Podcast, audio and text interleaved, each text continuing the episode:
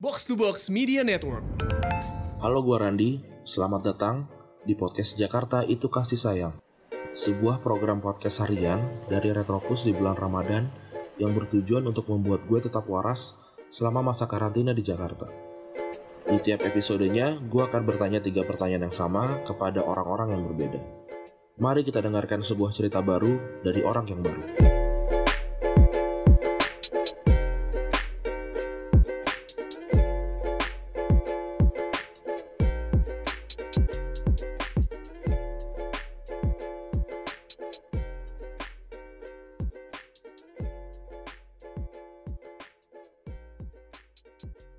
Halo teman-teman, ini adalah episode keempat dari eh, Jakarta itu kasih sayang. Kali ini gue kedatangan seorang laki-laki lagi, tapi kita biarkan dia mem- memperkenalkan dirinya sendiri ya. Silakan. Oke, semuanya pendengar Retropus, nama gua Ican. Uh, gua dari Aceh tapi sekarang lagi di Jakarta kebetulan. Chan lu di Jakarta udah berapa lama Chan? Uh, dulunya sih kuliah di Jakarta sebenarnya 2014, cuman 2018 gua balik lagi ke Aceh setahun di sana bertani.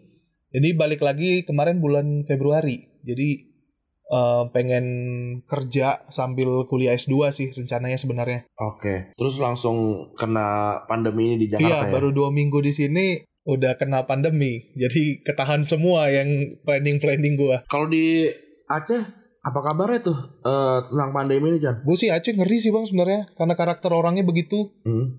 Jadi di Hmm. sana itu banyak masih bandel-bandel semua. Gue lihat teman-teman gue di sana pada update-nya di pantai, lagi pada nongkrong warung kopi, masih kayak kayak nggak ada kayak nggak ada apa-apa di sana gitu. Tapi emang emang maksudnya si coronanya itu datanya juga belum banyak di Aceh yang kena atau emang orang Aceh ya udah nggak nggak pedulian aja gitu gimana sih? Lebih ke sih lebih nggak ke nggak pedulian sih. Sebenarnya Aceh bahaya sih posisinya karena kan itu banyak yang TKW atau TKI ilegal. Kemarin yang balik dari Malaysia lewat jalur laut kan. Nah itu bahaya banget menurut gue sih karena mereka kan nggak kedetek apakah mereka bawa COVID apa enggak.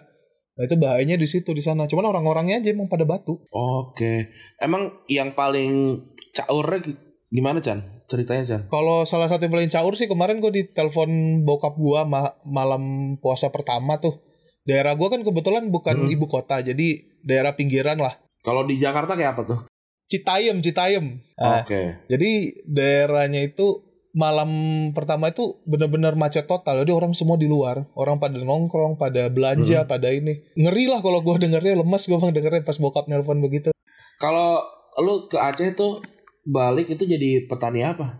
Terus lu kenapa jadi petani gitu? gue di sana kemarin petani lada. Jadi emang dari bokap gue juga emang basicnya eh, petani sih, pengusaha tapi bidang tani. Jadi yang ngurusin. Jadi gue Oke. kemarin setahun ngurus di lapangannya juga sama ngurusin usahanya juga. Kul- kul- kuliah lu pertanian Enggak, juga? kuliah gue di marketing gue justru.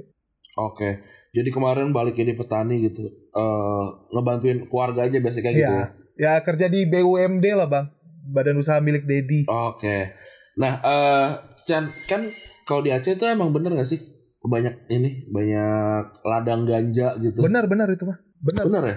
Maksudnya itu, itu le, le, maksudnya gue nggak tahu itu legal apa enggak, tapi emang ada gitu orang orang yang yang berbisnis ganja gitu. Kalau yang secara legal nggak ada, paling yang ilegal. Cuman emang Hmm. ada beberapa kayak aparat atau apa yang ngelindungin juga sih daerah ganja itu. Itu daerah mana Chan? Di Aceh? Eh, ada daerahnya agak pegunungan sih. Jadi gua kebetulan ada teman di sana. Hmm. Dia itu pengusaha kunyit. Nah dia tuh ladang Oh. dia itu bekas ladang ganja. Nah jadi dia cerita Oke. Kalau di sana tuh ya masih banyak juga sebenarnya belum semuanya ter, ter inilah terberantas dan dia kemarin sempat Heeh. ngajakin kayak kalau beneran nih kan kemarin sempat ada yang pengen ngelegalkan ganja kan dia dari Aceh tuh kalau Mhm. emang beneran legal bisnis bareng lah katanya gitu dia ngajak bisnis bareng ganja sama gue malahan Tapi eh, maksudnya ganja itu kenapa kenapa bisa rame banget di Aceh ya? Apakah itu ada sejarahnya kah atau itu berhubungan dengan eh, ritual keagamaan kah? Gimana sih? Hmm, kalau sejarah yang pastinya gue kurang tahu bang cuman kalau Hmm. dari segi budaya emang ada masakan Aceh yang pakai bumbu pelengkapnya itu ganja masuk kayak mie Aceh Oke. juga masih ada sampai sekarang mungkin di Jakarta kayaknya pun ada kalau nggak salah ya jadi tuh Ada desa khususnya gitu. ada ada resep khusus yang biasanya sih ada kode rahasia kalau mau mesen ya kalau yang jual kayak gitu. Oke oke.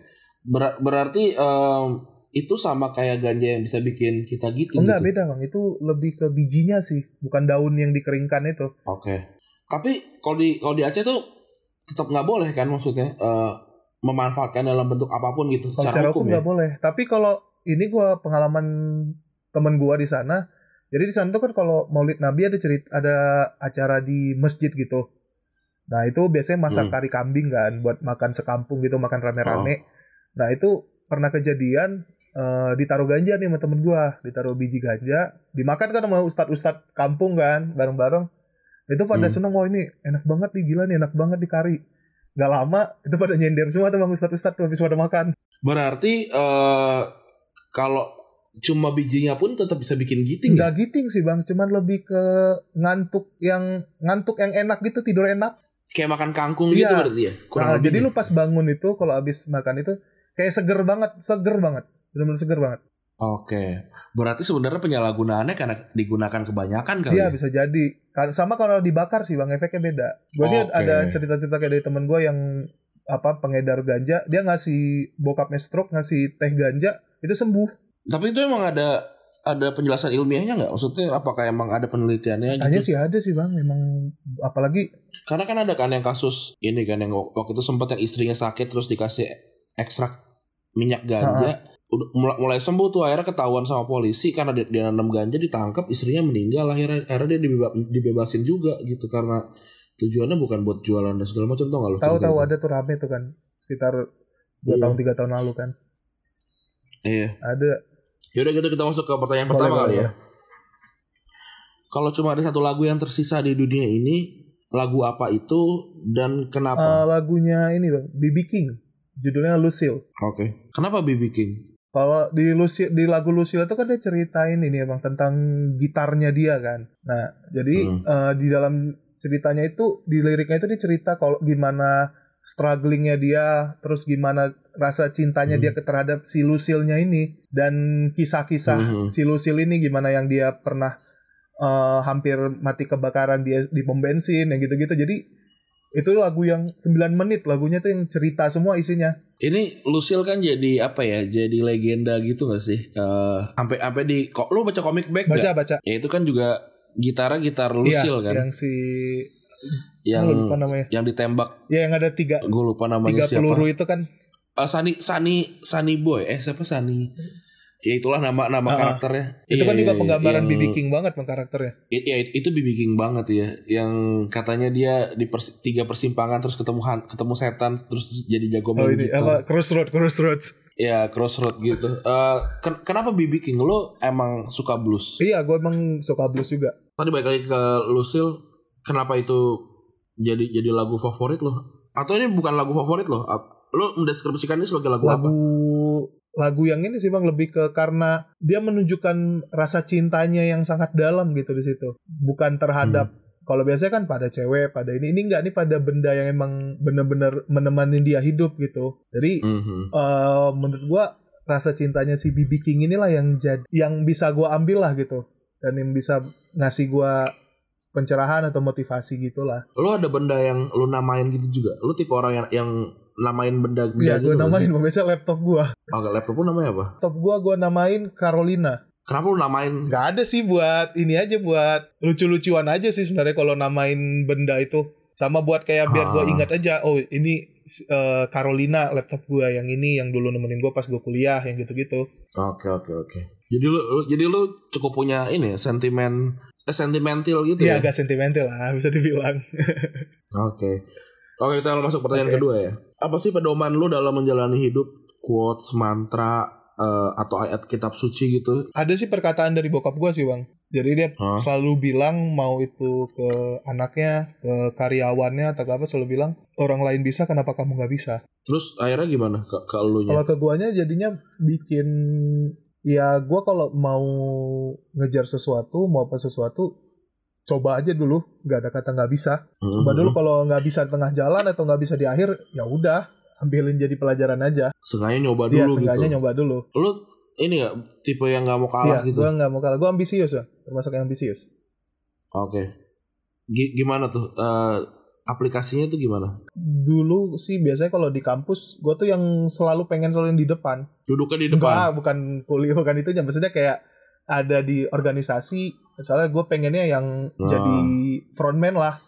Ketuanya, jadi ketuanya. Ya, gue juga gitu. kan dulu eh, ketua BEM juga dulu di kampus. Oke. Oh emang emang ap- pengaplikasiannya bener-bener straightforward yang kayak udah kalau gua gua tuh pengen jadi apa membuat perubahan terus gua yang jadi kepalanya Iya. gitu. Lebih ke tipikal yang kayak gitu gue. Oke. Menarik, menarik. Oke, yang terakhir Hmm. nih ya. Apa yang berubah dari hidup lo semenjak pandemi COVID-19 ini terjadi? Psikis sih Bang paling ngaruh. Karena kan Kenapa? gue kan ekstrovert banget orangnya sebenarnya. Jadi senang banget Hmm. temenan, senang banget nongkrong, senang banget ngobrol dengan orang baru maupun teman-teman lama. Hmm. Nah di pandemi ini kan membatasi itu sangat jelas gitu membatasi. Kalaupun ngobrol paling via chat atau via online kurus aja masih sih menurut gua. Oke. Tapi lu kan di rumah ada abang gitu nggak ngobrol sama dia aja? Ya nggak terlalu ini sih kurang sih maksudnya kalau sama teman kan bisa yang karena ada satu satu inilah point of interestnya sama gitu ketertarikannya sama. Kalau Hmm. sama abang kan beda lah ininya. Terus tentang keuangan gimana Chan? Apakah mempengaruhi lo jadi gimana gitu? Kalau keuangan yang mempengaruhi banget enggak, tapi seharusnya bisa ada lebih tapi jadi nggak dapat lebih. Tapi enggak. Oke, apa tuh maksudnya? kayak gue kan Ke- harusnya udah bisa kayak target gue kan bisa bekerja kemarin tuh kemarin juga udah mau sedikit lagi udah mau masuk udah mulai mau offering di salah satu kantor Hmm? startup itu. Ini yang nggak jadi, jadi akhirnya gue cuma bisa pakai tabungan gue aja sekarang. Oke. Oh, ber- berarti berarti sebenarnya nggak nggak terdampak banget lah ya. Eh, belum kehilangan pekerjaan tapi makin sulit nyari kerja Iya gitu makin ya. sulit. Terus teman-teman lo yang terdekat udah ada yang kena dampak yang kayak dipecat gitu-gitu udah ada belum? sih? Ada bang, bahkan ada yang teman gue akhirnya memutuskan pulang kampung lagi. Karena ini kar- karena di Jakarta udah udah nggak ada dia kerjaan. dia eh, hampir keterima kerja cuman gak jadi Heeh. dan udah sebulan dua bulan eh, coba bertahan udah sampai dibantu sama teman-teman sekitar juga akhirnya dia nggak kuat akhirnya dia balik ke kampungnya Wah, gue juga baru aja nih temen gue, teman kosan gue ada yang pecat dari kantor ya kan. Jadi, wah anjir ternyata kayak yang hal-hal gitu deket ya. iya sedih sih bang ngeliatnya kayak gue pas teman gue pamit di grup eh, tongkrongan itu kayak kehilangan juga sih sedih juga sih karena apalagi karena pandemi ininya alasannya salah satunya kan Oke deh, gitu ya Chan. Makasih Chan ya. Bang. Oke, sehat-sehat Chan. stay safe bye Bye.